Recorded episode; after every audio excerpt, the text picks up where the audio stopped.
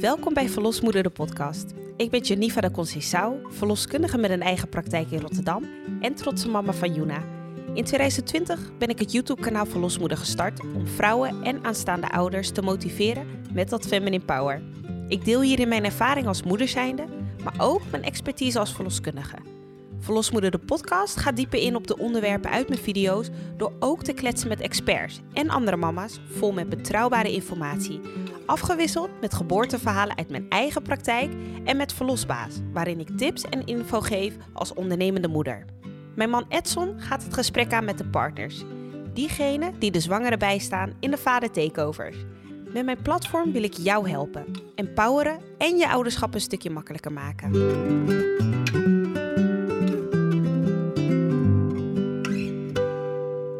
Vandaag een geboorteverhaal uit eigen praktijkaflevering. Hierin neem ik je mee in echte geboorteverhalen die ik heb begeleid. Wat ging er goed? Wat was moeilijk? Hoe is het hun gelukt? En wat was mijn rol hierin? Vandaag heb ik Yvonne Biestebos in mijn podcast. Yvonne, kan jij vertellen wie jij bent en wat jij doet in het dagelijks leven? Nou, ik ben Yvonne Biestebos en ik ben getrouwd met mijn vrouw Shannon en ik heb een zoontje van bijna drie jaar. Ehm, ik werk sinds kort in de kinderopvang en uh, ik werk drie dagen lekker uh, de andere dagen om met mijn gezin te zijn. En, uh, heerlijk. Heerlijk. Werkt ja. je ook parttime voordat je zwanger bent geworden? Nee, nee, toen werkte ik fulltime eigenlijk. Oké, okay, dus nu echt de bewuste keuze gemaakt van ik wil wat meer thuis zijn. Ja, heerlijk. Bevalt me prima. hey, en ik heb jullie leren kennen in de praktijk. Wanneer kwam voor jullie de beslissing van ik wil graag zwanger worden? En hoe is dat gesprek gegaan? Uh, in het begin had ik zelf zoiets van, nou weet je, het is goed zo. Uh, het gaat niet net op de natuurlijke wijze. En uh, ik ben gelukkig met mijn vrouw en het, gaat, het is prima. Maar toen ging het toch kriebelen. En toen bleef ik roepen, ik wil een baby. wist je waar je terecht moest met jouw zwangerschapswens? Want je wist van, nou ja, weet je, je, je hebt de hulp bij nodig. Ja, nee, ik wist eigenlijk niet waar ik zijn moest. En toen hoorden we via via iemand iets zeggen, waardoor we eigenlijk zijn gaan googelen. En na haar uh, positieve reacties zijn we eigenlijk bij Medisch Centrum Kinderwens terechtgekomen. Oké, okay, niet door je huisarts of... Uh, nee. Ben je met je vraag daar geweest? Ja, ja, maar die, uh, daar hadden we niet heel veel aan. Hey, en toen bij Medisch Centrum Kinderwens terechtgekomen en uh, aangemeld of in ieder geval een afspraak gemaakt? Ja, we hadden ons aangemeld en uh, de eerste richtlijnen was dat ik moest afvallen. Okay. Dat je moest een bepaald gewicht hebben. Wilden ze je eigenlijk verder helpen? Heftig eigenlijk. Om ja, dat gelijk zo te best horen. Wel. Van ja. je moet aan voorwaarden voldoen. Dat Ja. doet een ander niet.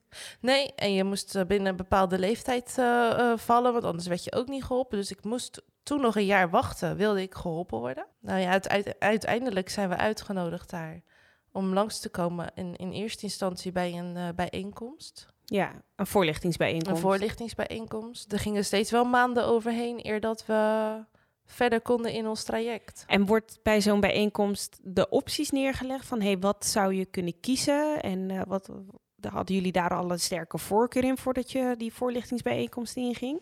Um, nou, ik zelf uh, had niet echt een voorkeur. Behalve dan omdat mijn vrouw uh, van Indonesische bloed in zich heeft, wilde ik dat terug laten komen. Omdat ik het zelf wilde, het kindje wilde dragen. Zodat het echt van ons tweeën op ons allebei zou lijken, zeg maar. Ja, en jullie hebben gekozen voor de route van een donor. Was dat bekend, uh, een persoon of moest dat anoniem? Uh, in principe is het anoniem omdat wij dat zelf wilden. Want je zou ook gewoon iemand kunnen uitkiezen van een Deense donorbank of iets. En dan zou je een babyfoto zien en een stem horen. En, maar dat wilden wij niet. We wilden dat anoniem, maar wel dat ons zoontje later, uh, als hij dat zelf behoefte aan heeft, dat hij dan contact kan leggen. Ja, en de wet is tegenwoordig ook veranderd daarin. Ja. Het is onlangs in het nieuws geweest dat inderdaad donorkindjes uh, het recht hebben om te weten wie hun uh, donorvader is geweest. Ja, klopt op een moment dat je dan zegt van nou, we kiezen dus inderdaad voor een donor en dat wordt dan vanuit zo'n bank. Heb je dan ook de keuze in hoe je zwanger wordt? Dus of dat uh, bijvoorbeeld, ja, je gaat een fertiliteitstraject in, maar of dat het door middel van inseminatie is of IVF of, of andere methodes? je hebt er in principe wel keuze in, maar ze gaan er eigenlijk gewoon vanuit om het via inseminatie te doen. Dat okay. gevoel kreeg ik. Oké. Okay. Dat is de allereerste voorkeur. Ja. Ja. En heb je dan dat je uh, zelfinseminatie moest doen en kreeg je daar hulp bij? Of hebben ze dat, doen ze dat allemaal in dat centrum? Ze hebben het bij mij in het centrum gedaan. En heb je uh, bij dat centrum ook, naast natuurlijk zo'n voorlichtingsbijeenkomst, ook andere ondersteuningsdingen gekregen waarvan je zei van nou hier had ik echt hulp aan? Of uh, dat was een community, of ik kon ergens terecht met, met mijn vragen over de fertiliteit en zwanger worden met een donor? Uh, ja, je had wel hulp daar in het centrum. Daar heb ik zelf geen gebruik van gemaakt. Omdat ik best wel erin stond van, nou, het komt zoals het komt. Na zo'n voorlichtingsbijeenkomst, dan krijg je een intake. En wat krijg je dan allemaal mee om, uh, om eigenlijk zwanger te worden? Eigenlijk alleen de informatie uh, dat je ovulatietesten moet gaan uh, aanschaffen en gebruiken. Je kreeg de informatie dat je dan een bepaalde dag moest starten. En zodra je er een smiley op de test in beeld kwam, moest je contact opnemen met hun. En moesten we eigenlijk de dag erna gelijk die kant op gaan. Oké, okay. Oké, dus dan werd er heel snel gehandeld.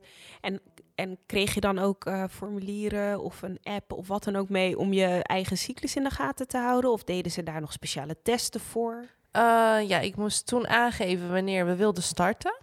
En dan had ik contact op moeten nemen op mijn eerste menstruatiedag. En dat was toevallig die dag. Dus toen zei ik daar gelijk van ik wil nu starten en dit is mijn eerste dag. Ja, en dan was het inderdaad van oké, okay, die ovulatietesten ga je gebruiken. Moest je die zelf kopen of kreeg je die van hun? Uh, nee, die hebben we zelf uh, moeten kopen. En waren er andere kosten die je, die je had gemaakt om bij dat uh, centrum te komen? Moest je daarvoor betalen of is dat allemaal via verzekering verlopen? Dat is toen allemaal via de verzekering gelopen. Het enige wat we betaalden mo moesten was, was het rietje waar, waar het in zat. En was dat duur? 220 euro was dat. Toen. Oh, dat vind ik nog best prijzig. Hebben jullie keuze gehad in het vinden van een donor? Of hoe gaat dat? Hij is aangepast op de uiterlijke kenmerken van mijn vrouw. En wij wilden heel graag dat er een stukje Indonesisch bloed in voorkwam. En uh, dat is uiteindelijk ook gelukt. Ja. hebben we nog wel een half jaar moeten wachten tot we konden starten. Want het moest eerst een half jaar daar in, in de vriezer. Oké, okay, dus ja op het moment dat je dus een donor krijgt, dan moet dat dus nog eerst bewaard worden. Toevallig bij ons was dat wel zo, ja. Omdat okay. wij die, uh, ja, het was pas net binnen, geloof ik. En wel fijn dat je dan toch de karakteristieken van je vrouw inderdaad, anders kan je beide in je kind ook terugvinden. Ja, zeker. En het is ook gelukt, want hij lijkt op ons allebei. Ja, ja. Super interessant. En op een gegeven moment krijg je dan na een inseminatiepoging, moet je een zwangerschapstest gaan doen. Hoe vaak uh, hebben jullie het moeten proberen voordat daar een positieve test uitkwam? Het, uh, het was. We hebben één zwangerschapstest gedaan en die was niet positief. Ja. En een paar dagen later, toen het ook eigenlijk pas mocht, want we waren ongeduldig en we deden Te vroeg. het eerder. ja. toen het ook eigenlijk pas mocht, toen zei mijn schoonmoeder van... joh, ik zou toch die test maar eens doen, want ik weet het niet met jou. En toen ging ik inderdaad naar huis om het te doen. En toen bleek het dus inderdaad uh, positief te zijn, al bij de eerste behandeling eigenlijk. Oh, wat gaaf. Ja, ja dit wist echt... ik eigenlijk niet, hè? Want ik, ik hoorde alleen positieve test, twee vrouwen. En uh, jullie kwamen naar de praktijk. Wij hebben meerdere vrouwen vanuit het fertiliteitstraject. En dat zijn allerlei verschillende soorten stellen. Dus het was voor ons niet vreemd om twee vrouwen uh, op controle te krijgen. Hadden jullie bewust voor onze praktijk gekozen? Of hadden jullie ehm, daar met andere praktijken nog gedacht van, oh, nou hier ben ik specifiek naar op zoek? Nou ja, eigenlijk uh, zijn we direct op jullie praktijk afgegaan. Ook meer omdat mijn schoonmoeder haar vijf kinderen bij jullie ter wereld uh, gebracht heeft eigenlijk. En uh, ja, op Zorgkaart Nederland staan jullie ook zo positief. Het was lekker dicht bij huis, dus voor ons prima. Hoe hebben jullie het verder in de zwangerschap qua controles en zo ervaren? Had je het idee dat dat ik gewoon... Ik weet nog dat ik precies door jou gebeld werd. Wa waren er dingen in je zwangerschap en, waar je ja, ik was, ja, ik vond het best spannend.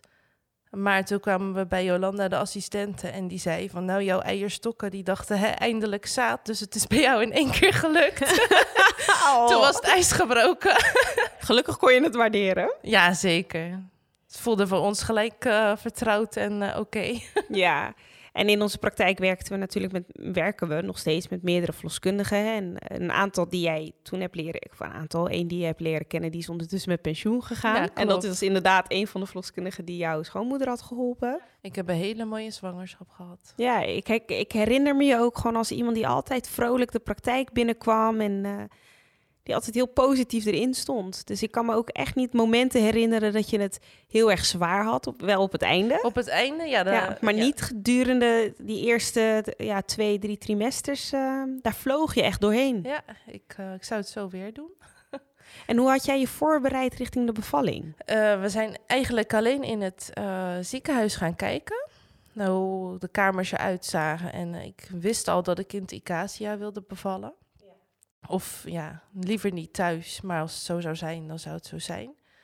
En eh, ja, verder heb ik me eigenlijk nergens op voorbereid. Was je naar de voorlichtingsavond van de praktijk geweest? Nee, nee, ook niet. Maar echt die van het ziekenhuis het inderdaad. ziekenhuis, en dan krijg je inderdaad een rondleiding een erbij. rondleiding en eh, ja, verder niet veel informatie of zo. Nee, nee. Had je dat bewust gedaan? Met het idee van ik laat het op me afkomen? Of had je zoiets van eh, ik heb het niet gevonden? Of ik wist niet dat het er was? Nou, ik, ik stond er ook wel in van, nou, het komt zoals het moet komen. Ja. En ik had ook geen geboorteplan of, of iets. Ik, eh, ik vond het allemaal wel prima. En toen kwam de dag dat de uitgerekende datum kwam. En hij vertrok weer en er waren geen weeën. Nee, nee, ik liep gewoon nog op het Zuidplein even een paar dingen te kopen. Ja. Hoe is die week gegaan dat jij over tijd liep? Eh, die eerste week prima. En in die tweede week werd ik verkouden. En had ik eh, nachtenlang niet geslapen, waardoor ik eh, eigenlijk opbelde naar de praktijk van oké, help. Want ik ben gewoon moe nu. Ja, En eh, je zat er echt een beetje doorheen. Halve weken, die laatste week kreeg ik wel af en toe weeën, maar het zette maar niet door. En dan ook s'nachts werd ik er wakker van en harde buiken. En eigenlijk alles wat ik de hele zwangerschap niet gevoeld had, leek wel in die week eruit te komen. Ja, ja, je zat er echt fysiek en ook mentaal dat je dacht Ja. van ja, ik ben gewoon op. Ik ben op, ik ben eh, helemaal klaar mee en eh hij mag er nu wel uitkomen. Je belde ons op om, eh, om te zeggen van help, ik, eh, dit trek ik niet langer zo. nee, en toen was het eigenlijk van nou kom maar even naar de praktijk. En ehm daar was dezelfde assistente weer met eh, gesneden paprika en eh, komkommer wat we kregen. En het leek wel of ik in de watten gelegd werd. Toen voelde ik me al beter. En toen ehm, werd ik helemaal nagekeken en had ik eh 1 centimeter ontsluiting. En dat was het eigenlijk. En eh, toen ben ik weer naar huis gegaan. Met, Vond je eh, dat een domper? ja. Ja, want ik had zoiets van, nou, nu gaat het gebeuren. Want je zit eigenlijk alleen maar, zeker omdat ik ook over tijd was, je zit gewoon steeds te wachten op, oké, wanneer is nou die dag? Ja. En welke datum en wanneer gaat het gebeuren? En had jij ook een plannetje van ons meegekregen of zelf een plannetje getrokken met eh, tot dan wacht ik af of eh, dan wil ik dit proberen? Eh, ik had zelf geen plan, maar wat jullie mij adviseerden was dat ik dan die zaterdag ingeleid zou worden in het ziekenhuis. En toen net die avond ervoor, toen kwam jij langs, omdat ik nog steeds eh, het niet trok. En toen kwam je me een slaappil brengen. Ja, want je had paracetamol geprobeerd. Ja, dat hielp niet. Dat hielp niet en ik wilde echt gewoon even een paar uur slapen. En ik heb toen met jullie besproken wat, wat de eventuele opties zijn. En ehm, een van de opties was even een slaaptabletje. Om gewoon te zorgen van even die rust terug in je lichaam te krijgen. En een andere optie was eh, het ziekenhuis insturen. Om een nachtje met morfine te gaan slapen. Ja. Dat had je liever niet, want Nee. dan eh, kon je vrouw er niet bij zijn. Dat was voor jou echt toen een no-go. Van, Ja. moet ik alleen? Nee, dan wil ik dat niet. Nee, dan wil ik dit eerst proberen. En sowieso, ik heb heel mijn zwangerschap nog geen paracetamol ingenomen. Behalve die laatste week. En toen had ik zoiets van hem gelijk aan de morfine. Dat, eh, nee. nee. Mijn kind moet ook niet in gevaar komen. En wat heb je ermee gedaan? Ik heb er één ingenomen en de ander ligt nog thuis. Hij is denk ik wel verlopen. ja, ik denk het ook. Het is een aandenken. Hey, je hebt toen die pil ingenomen. Wat is er toen gebeurd? Eh, ik heb vier uurtjes slaap gehad en daarna was het weer eh, raak. Ja, En toen belde je weer. toen belde ik weer. En toen ben je toch weer langsgekomen om even te voelen. en ehm, toen was de ontsluiting al ietsje verder. En toen heb je me gestript. Was dat ook iets waarvan je zegt van... nou, ik ben blij dat, dat we dat hebben geprobeerd? Ja, zeker. En toen begon het ook op gang te komen. En toen belde ik naar je en toen zei je... meid, je gaat bevallen. Ja, ja, ja. En ik was heel enthousiast. Want ik dacht, leuk, ik heb zin in deze bevalling. En met sommige mensen heb je gewoon een hele leuke klik. En ik dacht gewoon van, nou, deze, dat gaan we doen. We waren ook zo blij dat jij hier toen was. Dat je precies dienst had. Vonden we echt leuk, ja. Vanuit jullie huis richting het ziekenhuis gegaan. Hoe was dat voor jou? Mm, ja, prima. Ik vond het allemaal gewoon best. We hebben nog eh, best wat zitten geinen. Ja, we kwamen bij het ziekenhuis aan en uh, mevrouw die probeerde de rolstoel vooruit te duwen, maar... Ging niet lekker. Nee, niet lekker. hey, en in het ziekenhuis eenmaal gezetteld. En de weeën die kon je keurig opvangen. Ik, had, ik zou niet zeggen dat je geen cursus had gedaan, want het- je hebt het echt heel netjes gedaan. Dankjewel. Ehm, en het lukte je best wel om te ontspannen. Maar de tijd verstreek Ja. en hij bleef maar gaan. Kan je verder vertellen in je eigen woorden hoe voor jou de bevalling toen verder is verlopen? Eh, nee, op die kamer heb ik het echt heel erg naar mijn zin gehad. Toen in de gewone tijd nog. En mijn schoonmoeder en mijn schoonzusjes en mijn vrouw. En dan jij en ook nog eh, Rieke die erbij was. Was een student toen. was nog student toen. En het was gewoon hartstikke geze- gezellig. Meer kan ik er niks van zeggen. Vond je het prettig qua ondersteuning? Ja, zeker. Zeker. Ik heb me op mijn gemak gevoeld. En daardoor vond ik het ook allemaal wel meevallen. En wanneer is dat voor jou veranderd? Alleen op het moment dat het eigenlijk kwam dat jij zei van... ja, ik kan nu niks meer voor je doen. En dat was nadat hij, eh, dat je erachter kwam dat hij in het vruchtwater... eh, Precies. Op een gegeven moment zei ik van, nou weet je, we, we hebben net wat meer kracht achter die weeën nodig. Dus we kunnen kijken om je vliezen te breken. Dat hebben we toen in het ziekenhuis inderdaad gedaan. En toen was het inderdaad, eh, ja, dat noemen we meconiumhoudend vruchtwater. Dat betekent dat de baby in het vruchtwater heeft gepoept. En dat is niet automatisch dat we denken van, oh, grote alarmbellen. Het gaat nu helemaal fout. Maar het is heel lastig om uitwendig te bepalen waarom een kindje in dat vruchtwater heeft gepoept. En er zijn eigenlijk twee redenen waarom dat kan zijn. Eén, de darmen zijn zodanig rijp. Dat was bij jou waarschijnlijk een grote factor dat meespeelde, want je liep over de uitgerekende datum. En dan zien we dat ook in frequentie toenemen. Dat een kindje gewoon gaat poepen in dat vruchtwater en dat kan gewoon helemaal geen kwaad. En het tweede is, is dat kindjes dat ook kunnen doen vanuit een stressreactie. Dus als ze zich niet lekker voelen, dat ze dan gaan poepen. Maar ja, dat kan je niet vragen aan zo'n kleine. Dus wat we dan doen is eigenlijk altijd de bevalling medisch maken. Dan krijg je banden op je buik. En dan eh, wordt er een hartfilmpje gedraaid totdat die kleine is geboren. En dan na de bevalling word je ook heel eventjes opgenomen, normaal gesproken, ter observatie om te kijken hoe is de conditie van die kleine en heeft hij last gehad van, eh, van dat vruchtwater. Dus bij jou is het inderdaad vliezen gebroken en dan vertel ik je, hey, sorry, maar ik moet je gaan overdragen. Ja, en dat moment dat kwam best wel even aan. En toen zei je van, wil je dat ik blijf? En het enige wat ik dacht van, ja, graag. Eh, nou ja, en toen eh, werd ik met het bed en al naar een andere kamer gebracht. En ja, dat heeft ook nog even geduurd totdat ik weeopwekkers ook kreeg. Ja, want je stagneerde ook echt wel in je ontsluiting. Ja, Het ging niet heel snel eh, vooruit. nee, het bleef een beetje hangen. Nou, met die weeopwekkers eigenlijk hetzelfde. Er kwam ook niet meer vooruitgang in. Nee, ondanks dat het eh, ja, toch wel werd opgehoogd. En toen heb ik ook nog, terwijl ik daar eigenlijk als enige op tegen was om een ruggenprik te krijgen, maar die heb ik toch uiteindelijk gevraagd. Ja, wat was de reden dat je daarop tegen was? Eh, omdat ik wilde voelen hoe het voelde. Ja, En het is van begin tot eind. Ja, en eh, een zo'n fijne zwangerschap gehad had. Dat ik zoiets had van, nou, dat, dat moet ik wel doorheen komen. Ook zonder eh, hulpmiddelen of... Ja. Ja. Ondertussen was je al een hele, hele dag bezig Ja, met die weeën. Een valse start had je eigenlijk gehad. ja ook. En eh, ja, ik was, ik was gewoon heel, helemaal leeg, helemaal moe en Ja. eh, klaar ermee. En achteraf gezien ben je blij dat je toch die keuze hebt gemaakt? Of voelt het nog steeds een beetje als je denkt van... oh man, ik had, eigenlijk voelt dat een beetje vervelend nog. Nee hoor, het is goed, want met die keizersnee had ik toch ook, eh, had ik hem ook toegediend. Had je hem uiteindelijk nodig? Ja. Maar eh, ja, ik, eh, ik voelde amper dat hij er eigenlijk in ging, die, die ruggenprik. Veel vrouwen kijken daar tegenop. Maar eigenlijk zeg jij van... nou, ik heb daar niet heel veel van gevoeld. Of in ieder geval niet heel als, als naar ervaren. Nee, nee, zeker niet. Ik heb hem eigenlijk helemaal niet gevoeld. hey, en daarna? Je bent dan natuurlijk medisch. Hoe vond je, vond je dat heel anders? Hoe heb je dat ervaren? Eh, omdat ik wist dat jij er nog was, was het goed. En eh, in het ziekenhuis ben ik heel erg netjes en even lief behandeld. En ik was eigenlijk zo moe dat het me ook niet meer uitmaakte. Ik, het belangrijkste voor mij was, het gaat goed met die kleine. En doe maar wat jullie moeten doen. Ja, je, liet het, je kon dat echt heel goed loslaten. En op een gegeven moment ben je gaan slapen. En toen zei ik ook, nou dan doe ik ook heel even mijn ogen dicht. Ja, klopt. Want je zo naar Parijs gaande dag. Ja, ja ik had, een, eh, ik had een, eh, een leuk reisje de volgende ochtend gepland staan. als ik de dienst uitging. Moet je nooit doen als je een dienst. Dat, Nee. ik, eh, dat leer ik natuurlijk nooit af. nooit tot plannen na een dienst. Maar ik zei, ik ga niet naar huis. Ik blijf hier in het ziekenhuis. Ik ben twee kamers verderop. En als dat is, dan roepen jullie me terug. Want zolang jij slaapt, nou, dan had je mij niet echt nodig, vond ik. Nee. nee.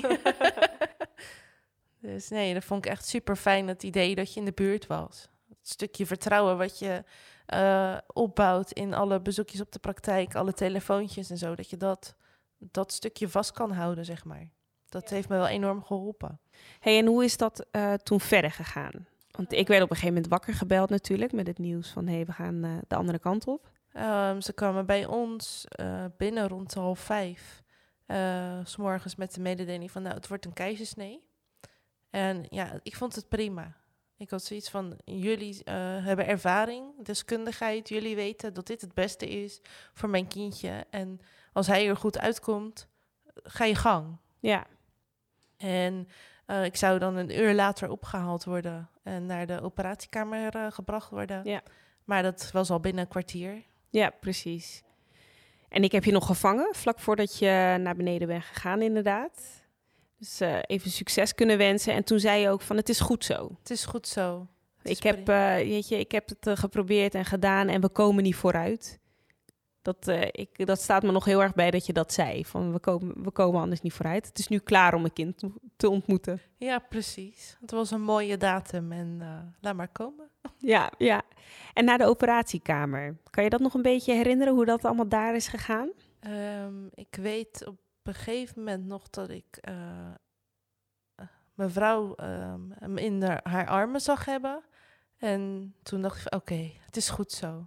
En op het moment eh, dat die kleine is geboren, heb je die ook nog even op je borst gehad? Ik heb hem gelijk, want in eerste instantie zou die bij me weggehaald worden.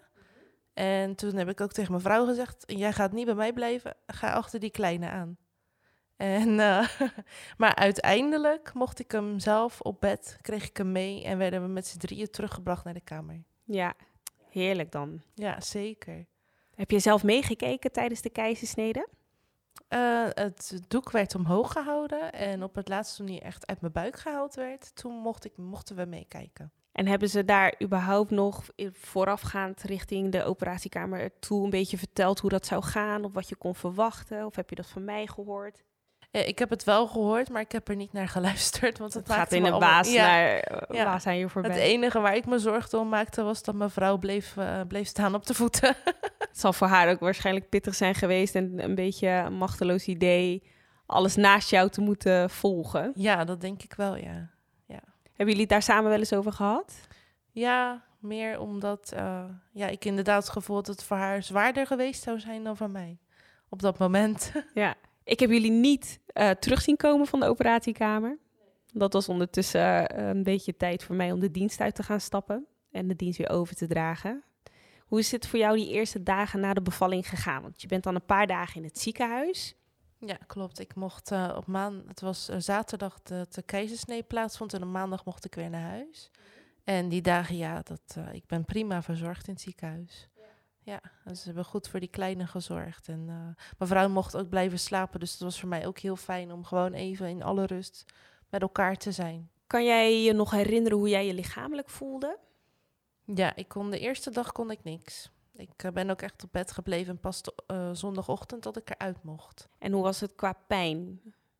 Mm, ja, die werd onderdrukt met eh, medicatie en dat ging wel. Ja. En eigenlijk toen ik thuis kwam, begon ik weer gewoon met mijn huishouden te draaien, met te dweilen en stofzuigen en de was doen. En Even PSC, dat is natuurlijk niet de bedoeling. dat is niet de bedoeling. Doe het niet, je komt jezelf tegen. Maar Ik wou net zeggen, want uiteindelijk, na die dag, was het jank op de bank. ja, zeker. Zeker. Ja. En dan komt even alles binnen. Ja, klopt. En dan eh, ja, is het toch wel lekker om thuis te zijn en eh, dat jullie ook nog langskomen. Ja.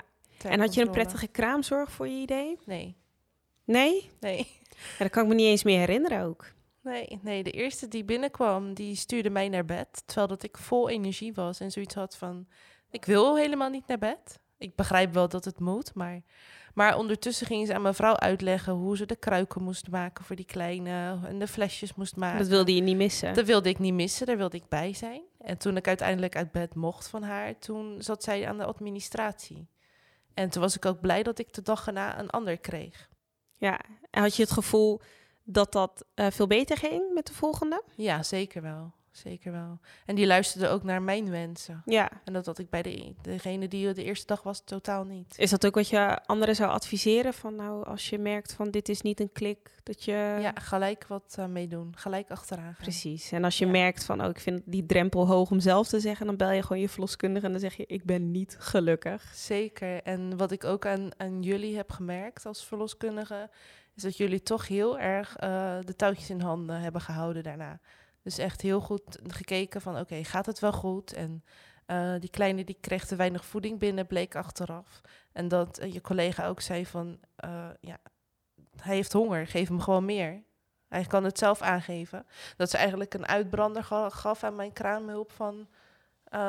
jullie moeten beter opletten Ja. en naar, naar de behoeften van het kind kijken. Kan jij nog vertellen wat voor voeding je bent gaan geven? Ja, Na de bevalling. Ik heb zelf flesvoeding gegeven. Was je daar bewust eh, eh, voor gekozen van tevoren? Of was het meer na de hele nasleep van de bevalling dat je dacht, ik ga met kunstvoeding starten? Nee, ik heb daar bewust voor gekozen. Omdat ik eigenlijk wilde dat iedereen met hem een band op kon bouwen. En niet alleen ik. Ja. En achteraf eh, kwam er ook niet zoveel... Je hebt toch dat je na je bevalling dat er melk uitkomt, zeg Ja. maar. Ja, en dat had ik eigenlijk ook niet. Ja, meestal heb je, we noemen dat stuwing, een beetje rond dag vier, zo na de bevalling, dat je merkt dat je borsten wat vol kunnen lopen. En dat je, ja, sommigen kunnen daar echt wel last van hebben. Dus Ik had die stuwing ook eigenlijk helemaal niet. Dat scheelt ook enorm. Als je niet veel, niet, überhaupt niet hebt aangelegd, dan is het vaak eh, al iets koeler. Ja. Maar je hebt er gelukkig helemaal geen last eh, helemaal van geen gehad. last van, nee. Fijn. En dan was het inderdaad dus afstemmen aan jouw kindje, ook zelfs met kunstvoeding, van wat is voldoende. Ja. Want hoeveel woog je kleine? Dus hij woog 41,85. Ja, dat is een flinkert. dat was een flink. Hij had natuurlijk wel extra twee bonusweken bijna erop zitten. Zeker, ja. Stel dat je nu weer over tijd zou lopen. Zou je er ooit weer voor kiezen om eh, een strippoging te doen? Of zou je zeggen van nou weet je, laat maar. Nou, ik denk dat ik gewoon een afspraak in het ziekenhuis maak voor een keizersnee. Ja. ja, en dat is de optie nu ook hè? Ja, ja. klopt. Als je ooit een keizersnede in het verleden hebt gehad, dan eh, mag je kiezen om inderdaad weer te zeggen van weet je, ik doe gewoon weer opnieuw een keizersnede. Of je mag kiezen om het vaginaal weer te proberen. Ja, Maar jij zegt, ik heb de keuze al voor mezelf gemaakt. ja, het wordt van mij gewoon weer een keizersnee. Ja. Zit de wens er nog in voor nog een kind? Mm, ik weet het niet. Het is goed zo. Maar Ja. dat zei ik ook voordat ik deze kleine had. Dus. ja, je merkt dat, eh, dat alles met tijd nog kan veranderen. Precies. Zijn er dingen waarvan je zegt van nou, dit zou ik een ander echt aanraden als het gaat rondom het zwanger worden? Mm, ja, die kliniek waar ik ben geweest is zeker wel een aanrader. Had je Zeker. online nog plekken waarvan je zegt van oh, hier heb ik een heleboel informatie gevonden over zwanger willen worden? Nou ja, ook op hun website stond heel veel informatie. Ja, ik zal zorgen dat dat nog eventjes in de beschrijving staat, dat mensen weten van nou, daar kan ik inderdaad terecht. En ehm voorom, rondom de bevalling. Heb je daar nog dingen waarvan je zegt van nou, ik ben blij dat ik dat zo heb aangepakt of ik zou dat zo een ander adviseren? Ja, ik liet het zelf allemaal maar op me afkomen. En ik denk dat dat wel... eh, mensen hebben een heel plan, maar heel vaak loopt het toch anders. Nee. En voor jouw gevoel is het, ehm, heb je het echt goed los kunnen laten en je denkt dat dat jou heeft geholpen? Ja, ik denk het wel. Want ik hoor wel eens verhalen dat, eh, ja, dat mensen daar dan toch nog mee zitten, dat het niet zo als plan gegaan is. En eh, ja, ik had dat totaal niet. Had jij ergens in het hele proces het gevoel dat je geen keuzes had? Nee, dat niet. Eh, alleen met de keizersnee werd niet gevraagd van, eh, of dat we er oké mee waren. Maar ja, ik was er toch oké mee. Dus Ja, ja. Ja. die beslissing is voor je genomen. ja, die is voor me genomen. En dat zullen ze niet voor niks gedaan hebben, dacht ik. Wat zou jij andere mama's nog mee willen geven die eh, net als jou een prachtige vrouw hebben en denken van ik wil zwanger worden? Wat zijn de dingen waar ze aan moeten denken voordat ze die keuze maken? Ja, dat het. Kijk, ik heb geluk gehad dat het in één poging raak was. Maar eh, dat, dat is echt een uitzondering geweest. En ik denk dat je daar wel mentaal sterk genoeg voor moet zijn om dat aan te kunnen. Dat denk ik ook. Ik denk dat het inderdaad, uh, jullie hebben een prachtig mooi verhaal als het gaat over hoe snel jullie zwanger zijn geworden. Zeker weten. Maar zelfs in de natuurlijke setting is dat natuurlijk uh, ja, vrij klopt. uniek. Jij durfde ook volgens mij heel goed te uiten wat je zelf wel wilde en wat je niet wilde. Ik denk dat het ook heel belangrijk is. Zeker in je wensen ook naar dat ik bij je, bij je bevalling aanwezig was. Ja, zeker. Je moet eh, ja, gewoon voor jezelf eigenlijk voelen: oké, wat vind ik prettig en wat helpt mij hierbij? En ga er ook achter staan en doe het ook. Ik wil je heel erg bedanken voor het doen van je verhaal. Ik denk dat je een heleboel andere vrouwen helpt met het idee van: ja, waar kan je nou eigenlijk terecht met zo'n zwangerschapswens? Ja. Want uh, ja, in jullie omgeving was het dus niet zo dat je dacht van: ik kan vanuit andere ervaringen meelopen of in ieder geval iemand anders kan me de weg wijzen. En uh, op deze manier heb jij andere vrouwen weer de weg gewezen. Precies. Ik hoop dat iemand uh, er wat mee uh, kan. Zeker. Ik hoop dat je wat hebt gehad aan deze aflevering. Zorg dat je niks mist en abonneer op dit podcastkanaal. Vond je het een behulpzame aflevering? Laat dan even een review achter. Hier ondersteun je mij enorm mee. Hou ook mijn Instagram en YouTube in de gaten voor nog meer handige tips en info. En ik hoop dat je volgende week weer gezellig meeluistert met de volgende aflevering. Ciao!